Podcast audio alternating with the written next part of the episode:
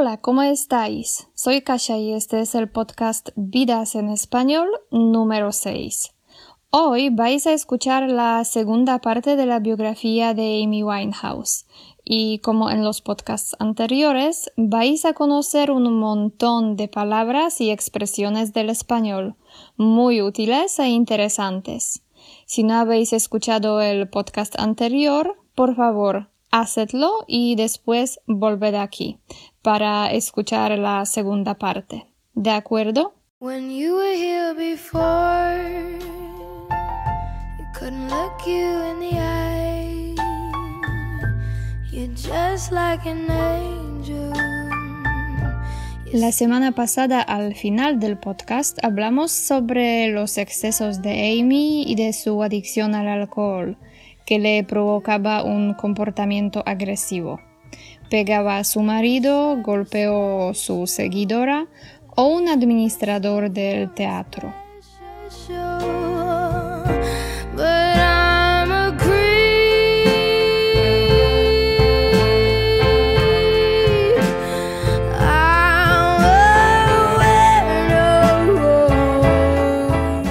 Es un tipo de comportamiento que no se puede aceptar, está claro pero vale la pena reflexionar un poco sobre la vida de esta chica, ya que había ciertos factores que echaban leña al fuego. Quiero decir que aceleraban el proceso de autodestrucción que la cantante no era capaz de parar. ¿Y cuáles fueron los factores? Bueno, el alcohol y las drogas, claro, la relación con su marido y otro factor que a mí me parece bastante importante. Los paparazzi que en Inglaterra hacen cosas increíbles para conseguir una foto sensacionalista. Ellos estaban ahí enfrente de su casa cada día y cada noche. No la dejaban en paz nunca.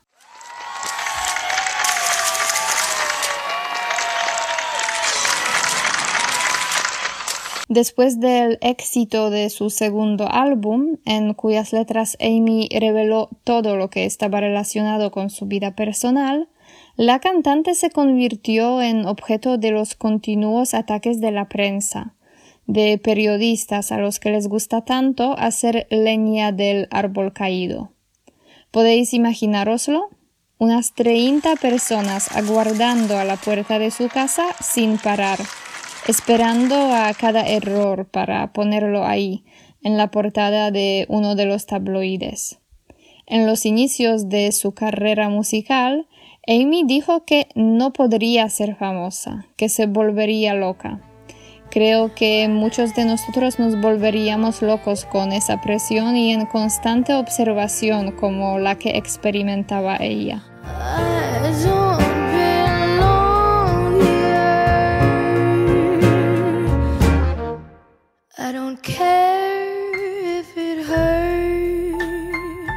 Por eso, en 2009, Amy fue a una isla caribeña, Santa Lucía, para sacudirse las moscas.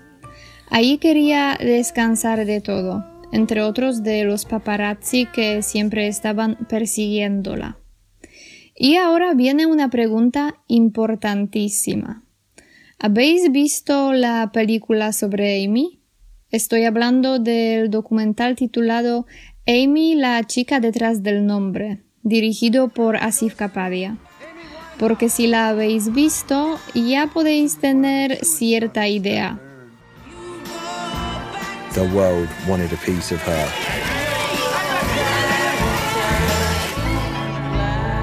Amy was a girl that just wanted to be loved. La película recibió varios premios importantes, entre otros un premio en el Festival de Cannes o el Oscar al Mejor Documental, y les encantó a los críticos.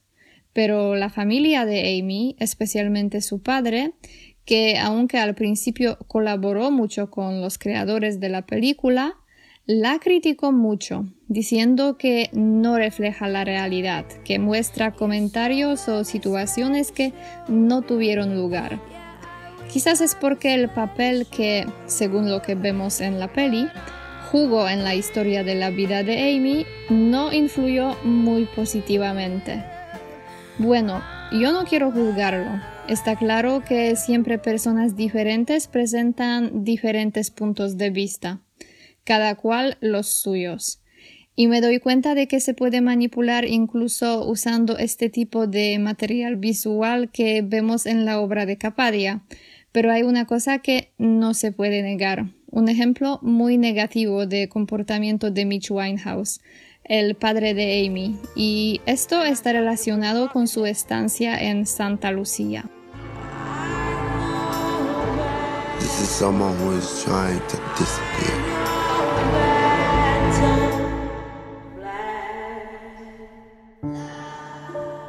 The thing is, I don't think I'm going to be at all famous. Ya os he dicho que la cantante fui ahí para descansar, desconectar de todo lo que pasaba en su vida en aquella época.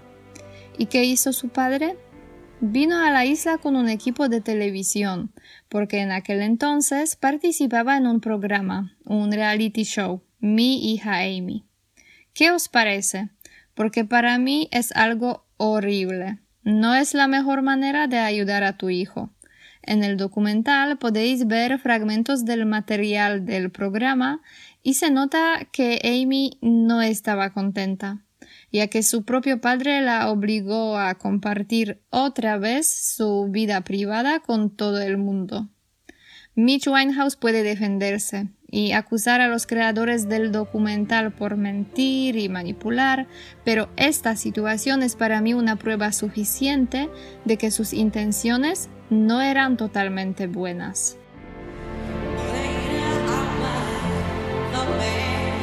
I'm not a girl trying to be a star. just a girl that sings. ¿Qué efectos tuvo la vida personal de Amy en su carrera? Pues muy negativos. En la red se pueden ver fragmentos de sus conciertos cuando estaba colocada no recordaba las letras de sus canciones o incluso vomitaba al público. Muchos de los conciertos su compañía discográfica tuvo que cancelar. Amy tampoco era capaz de componer nuevas canciones, aunque durante los últimos años de su vida ella y su discográfica anunciaron muchas veces la publicación del nuevo disco, que iba a salir en 2010, después en 2011.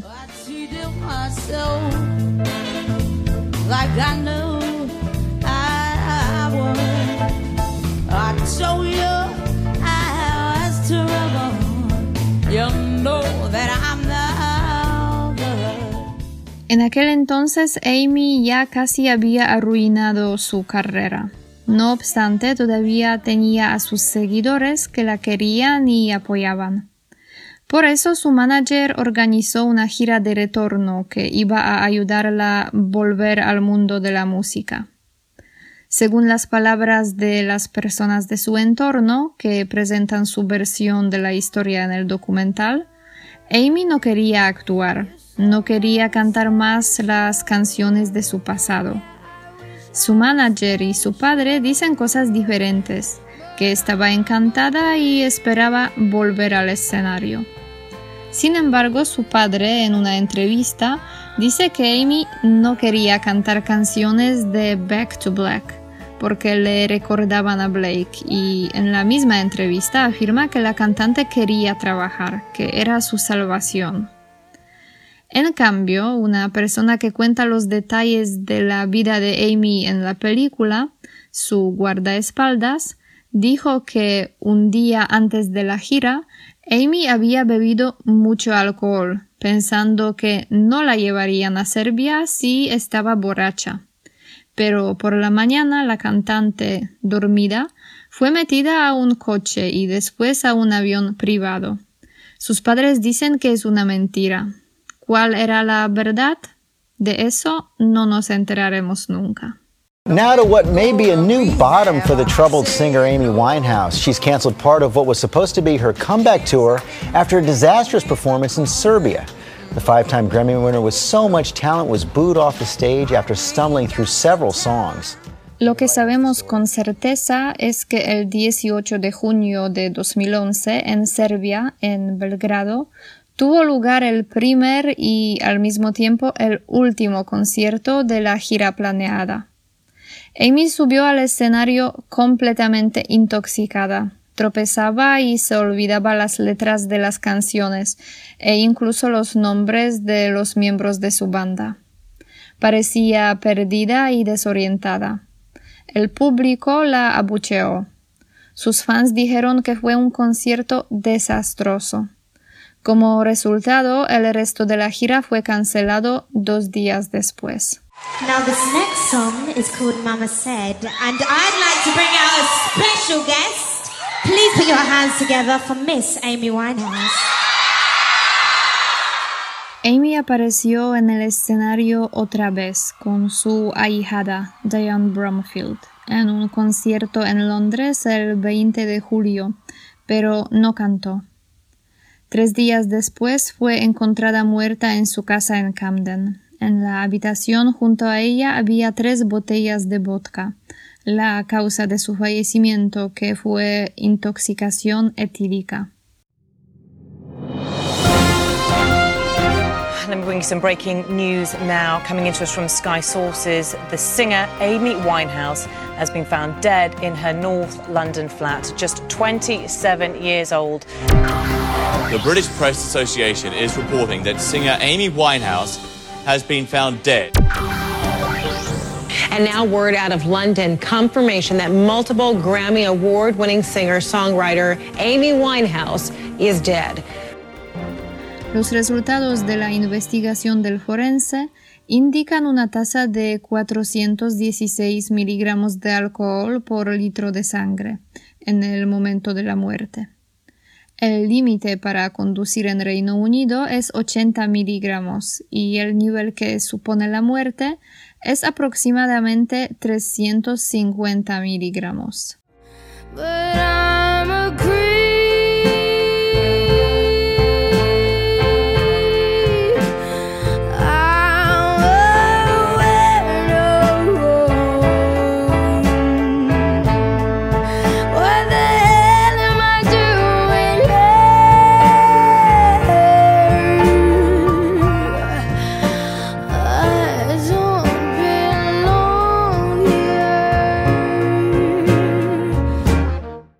Verdad que en las fotos de aquella época Amy parecía estar bien, mejor que en los años anteriores. Desde el 2010 tenía un novio más tranquilo, el director de cine Eric Travis. En las fotos donde están juntos, Amy no se parece a la chica que pasaba noches enteras bebiendo y tomando drogas con Blake. Parecía sentirse mejor, feliz. En la red no hay mucha información sobre su relación con Travis. No obstante, él dice que los dos habían planeado casarse, formar una familia y tener hijos. Mitch Winehouse dice que Amy dejó de tomar drogas en 2008 y que también trataba de dejar de beber, pero solo lo consiguió dejar durante periodos cortos. Lo que pasó en Belgrado y un mes después en Londres nos hace pensar que de verdad Amy no se sentía mejor, no era feliz. Estaba sola y así murió. Quizás las personas que debieron esforzarse al máximo para echarle la mano, en realidad no lo hicieron. Quizás no era posible ayudarla. Quizás Amy no podía conformarse con una vida más estable, normal, sin emociones extremas. Quizás le aburría. Con Blake estaba en el séptimo cielo para de repente caer al fondo del infierno. Amy repetía ese ciclo un sinfín de veces. Por eso incluso en los últimos meses de su vida, aunque los dos se habían divorciado en 2009, Amy le llamaba a la cárcel a Blake su ex marido. Él le quitaba fuerzas y al mismo tiempo le daba ganas de vivir y la inspiraba. Amy siempre se refería a Blake como el amor de su vida. Amy was a girl that just wanted to be loved. I fell in love with someone who I would have died for. ¿Y quién era Amy para él? ¿El amor de su vida o la gallina de los huevos de oro? Esta y otras preguntas relacionadas con la historia de Amy quedarán sin respuesta. La única respuesta es su música.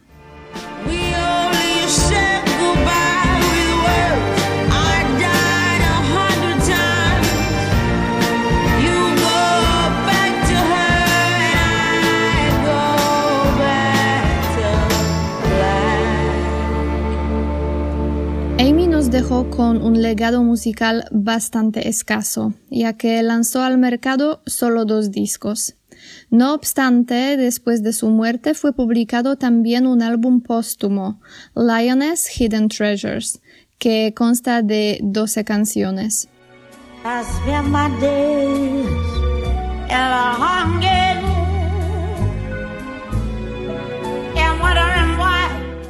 Son, entre otras, versiones alternativas de sus propios éxitos, covers, canciones inéditas y su última grabación que realizó junto con el ídolo de ella y de su padre, Tony Bennett. My life a wreck you're making. You know I'm yours, but just the taking.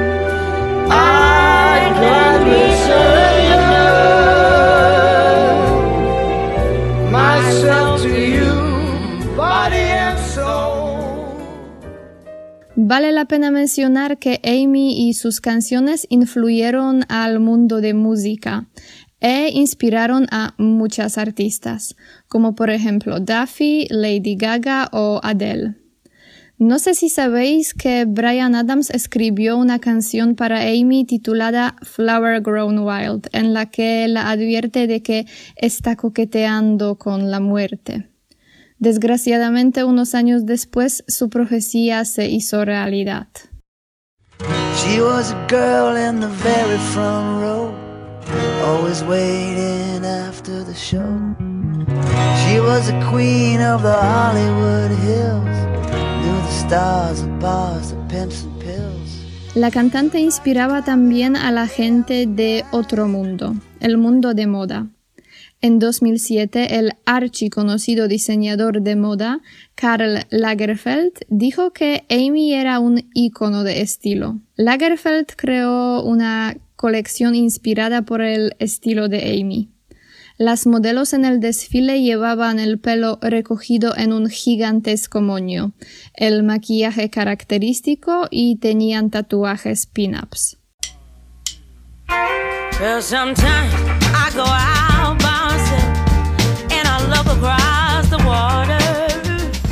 Sin embargo, hay una cosa que posiblemente no sabéis sobre Amy Winehouse ya que a la prensa le gusta más centrarse en cosas negativas. El caso es que Amy se comprometía mucho a las obras de caridad. Ayudaba a muchísimas instituciones y fundaciones. La lista es larguísima, de verdad. La mayoría de las obras en las que participaba ayudaba a los niños. Tras la muerte de la cantante, su padre decidió continuar esta actividad y fundó la Fundación Amy Winehouse, en la que trabaja también el hermano de Amy, Alex, que dejó su trabajo anterior para dedicarse completamente al desarrollo de la fundación.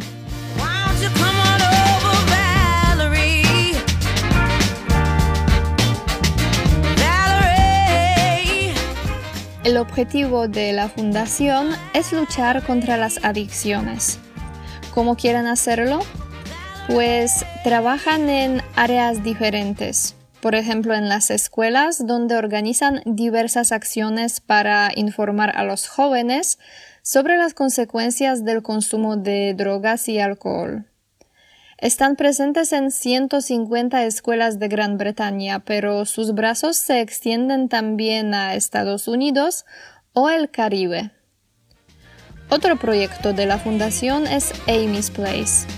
Es un centro de recuperación fundado en honor a Amy, situado en el este de Londres. y destinado a las mujeres que han sido adictas a las drogas y el alcohol. Cuenta con 12 apartamentos pequeños donde pueden vivir 16 mujeres de entre 18 y 30 años. La idea es ofrecerles una oportunidad de reintegrarse en la sociedad. La fundación quiere ayudar también a las personas jóvenes dotadas de un talento musical, que no tienen posibilidades de desarrollarlo. Por eso el programa Amy's Yard organizó un estudio donde estos artistas pueden tener contacto con músicos profesionales y grabar sus canciones. En 2015 la fundación publicó un álbum Amy's Yard The Sessions Volume 1 que contiene canciones creadas en colaboración con estas personas.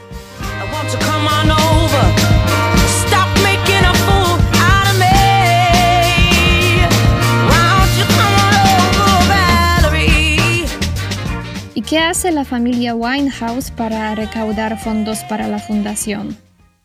El dinero viene de diferentes fuentes. Por ejemplo, el padre de Amy escribió un libro Amy, My Daughter, Amy, mi hija, en el que cuenta la historia de la vida de su hija desde su punto de vista.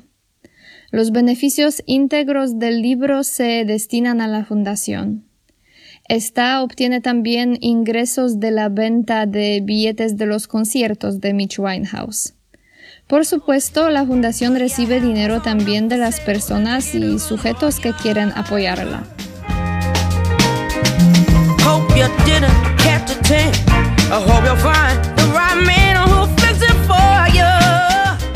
Bueno, queridos oyentes, hemos llegado al final de la historia de vida de Amy, que algunos comparan a un cometa, un fenómeno raro que podemos admirar solo durante un momento. Una historia que nos recuerda que aquí nada es eterno, que tenemos que apreciar y disfrutar de nuestra vida y que todas nuestras decisiones tienen sus consecuencias. Amy era una joven vulnerable que no pudo soportar el peso del éxito y dejó este mundo demasiado pronto. No podemos decir que no tratará de luchar. Estuvo en rehabilitación cuatro veces y finalmente se libró de las drogas, pero desgraciadamente no logró hacer lo mismo con el alcohol. ¿Y vosotros? ¿Qué pensáis de ella, de su historia y de su música? Por favor, dejad los comentarios en Facebook.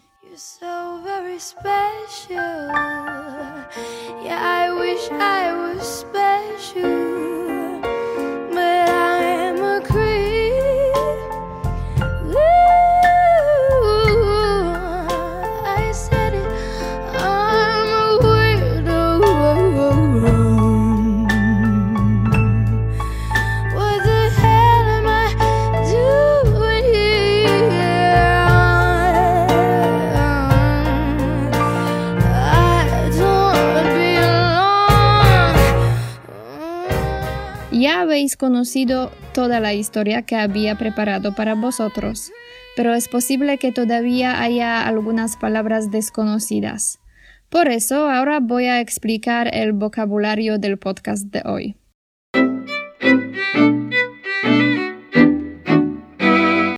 Empezamos con la palabra el factor. Es una causa, un elemento que influye en alguna situación. Echar leña al fuego. Es una expresión idiomática que significa hacer una situación difícil aún más complicada, empeorar la situación. Acelerar es un verbo que significa aumentar la velocidad. Parar es sinónimo de bloquear o detener. Dejar en paz cuando dejamos a alguien en paz, significa que dejamos de molestarlo. Revelar. Se puede revelar un secreto cuando se da a conocer o se lo cuenta a otras personas. Hacer leña del árbol caído. Es una expresión que podemos usar cuando alguien critica a otra persona que ha fracasado. La portada Es la primera página de un periódico o una revista. Sacudirse las moscas. Es otro modismo, que significa desconectar, olvidarse de las preocupaciones. Juzgar. Es un verbo que significa formar opinión sobre alguna cosa o alguna persona. Valorar. Darse cuenta de algo. Es una expresión muy útil que se usa muy a menudo y significa enterarse de algo o entenderlo. Desconectar. Es algo que debería hacer cada persona de vez en cuando, porque desconectar significa relajarse, separarse de todo, de nuestra vida, de los problemas. Colocado. Esa palabra podemos usarla cuando hablamos de alguien que está bajo los efectos de las drogas. La gira es una serie de conciertos de algún artista. La salvación es sinónimo de rescate o liberación. El guardaespaldas es una persona que protege a otra persona, por ejemplo, a un político o un artista. Muchas veces eso significa que lo acompaña todo el tiempo y vela por su seguridad.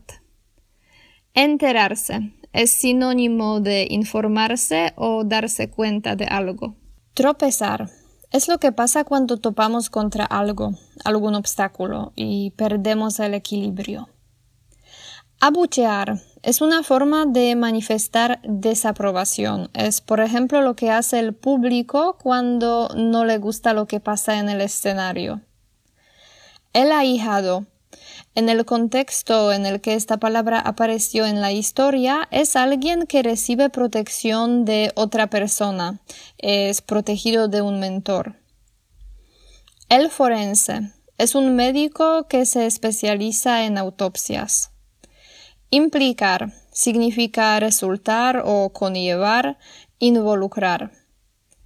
Esforzarse significa hacer esfuerzos, luchar por algo o trabajar mucho para conseguir algo. Echar la mano es una expresión idiomática que significa ayudar a alguien. Estar en el séptimo cielo es otro modismo, significa sentirse muy feliz. El infierno se cree que es el lugar donde van las almas de las personas malas la casa del diablo. El sin fin es una cantidad enorme que no tiene fin. La gallina de los huevos de oro es un modismo que describe a alguna fuente de riqueza. El legado es una herencia, puede ser herencia material o cultural. Escaso. Algo escaso es algo limitado, en poca cantidad. Póstumo significa que aparece después de la muerte del autor. Puede ser algún trabajo póstumo o alguna obra. Vale la pena. Es una expresión muy popular que se usa para recomendar algo, para decir que merece la pena hacer o ver algo. Advertir es sinónimo de avisar o prevenir. Coquetear significa seducir o flirtear. La profecía es una predicción, es lo que hacen las personas que adivinan el futuro. Archiconocido significa que alguien o algo es famosísimo. El desfile. Aquí hablamos del desfile de moda. Es el sitio donde se presentan las colecciones de ropa. El moño es un tipo de peinado, el pelo recogido o atado. Comprometerse significa implicarse en algo, alguna acción o situación. Las obras de caridad son acciones que se organizan para recaudar fondos, por ejemplo, para niños enfermos. Luchar es sinónimo de pelear o combatir, pero también de esforzarse. La adicción Es lo que pasa cuando no podemos vivir sin alguna cosa o alguna actividad o incluso una persona. Existen muchas adicciones a las drogas, alcohol, las medicinas, internet o los videojuegos. El alcance es una área bajo alguna influencia o el entorno bajo la influencia de alguna acción. Reintegrarse significa integrarse de nuevo en algún colectivo. La ganancia es algún tipo de beneficio. Íntegro es sinónimo de completo. El ingreso es sinónimo de ganancia o beneficio. Vulnerable. Una persona vulnerable es una persona débil, poco fuerte, es muy fácil hacerle daño. Liberarse significa conseguir la libertad.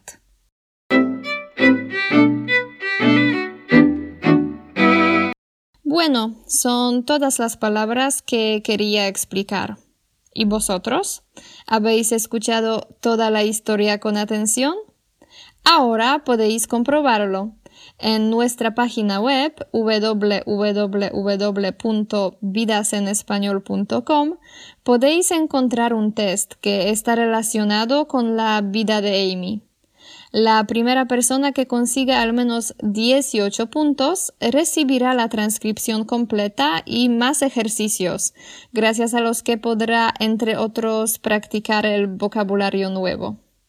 Bueno, Espero que os haya gustado esta versión de biografía de Amy Winehouse y al mismo tiempo os recuerdo que en los comentarios en Facebook podéis poner vuestras sugerencias.